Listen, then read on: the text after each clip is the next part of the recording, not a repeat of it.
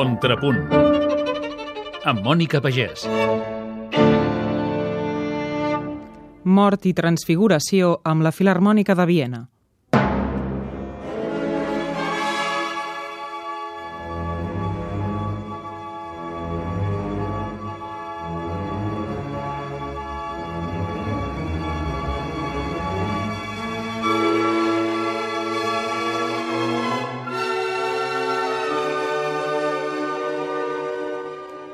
Comença a semblar tradicional que el Palau de la Música Catalana obri o tanqui la temporada, com el cas d'aquest any, amb una de les millors orquestres del món que inclouen Barcelona en el seu circuit de gires a l'estiu.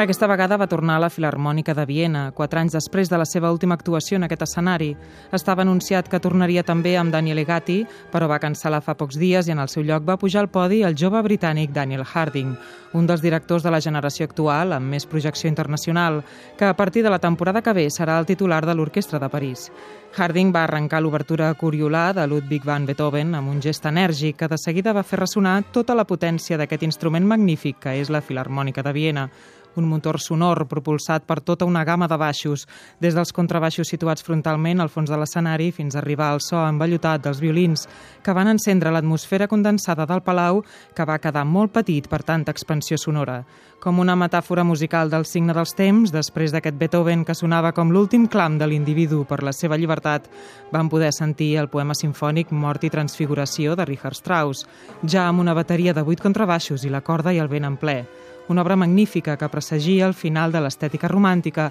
la mort de l'artista i d'un llegat, que és el patrimoni més preuat d'una orquestra com la Filarmònica de Viena, la qual ha fet de la música la seva única bandera i el prestigi de la seva ciutat. Que lluny que estem d'aquest ideal encara, si en els seients on habitualment seuen les autoritats trobem sempre l'absència política.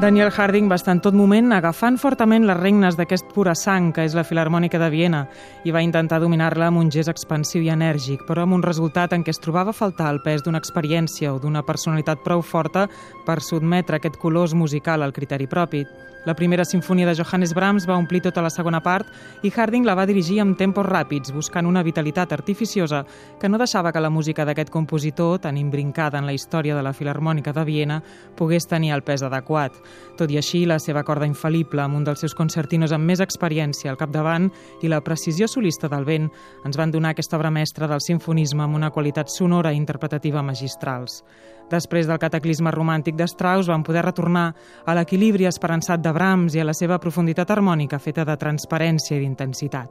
Tot un final esplendorós per aquesta temporada i també per poder tancar aquesta finestra del contrapunt que he tingut el privilegi de compartir amb tots vostès durant 10 anys. Moltes gràcies i visca la música.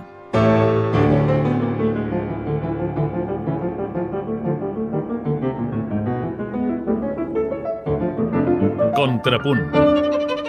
amb Mònica Pagès.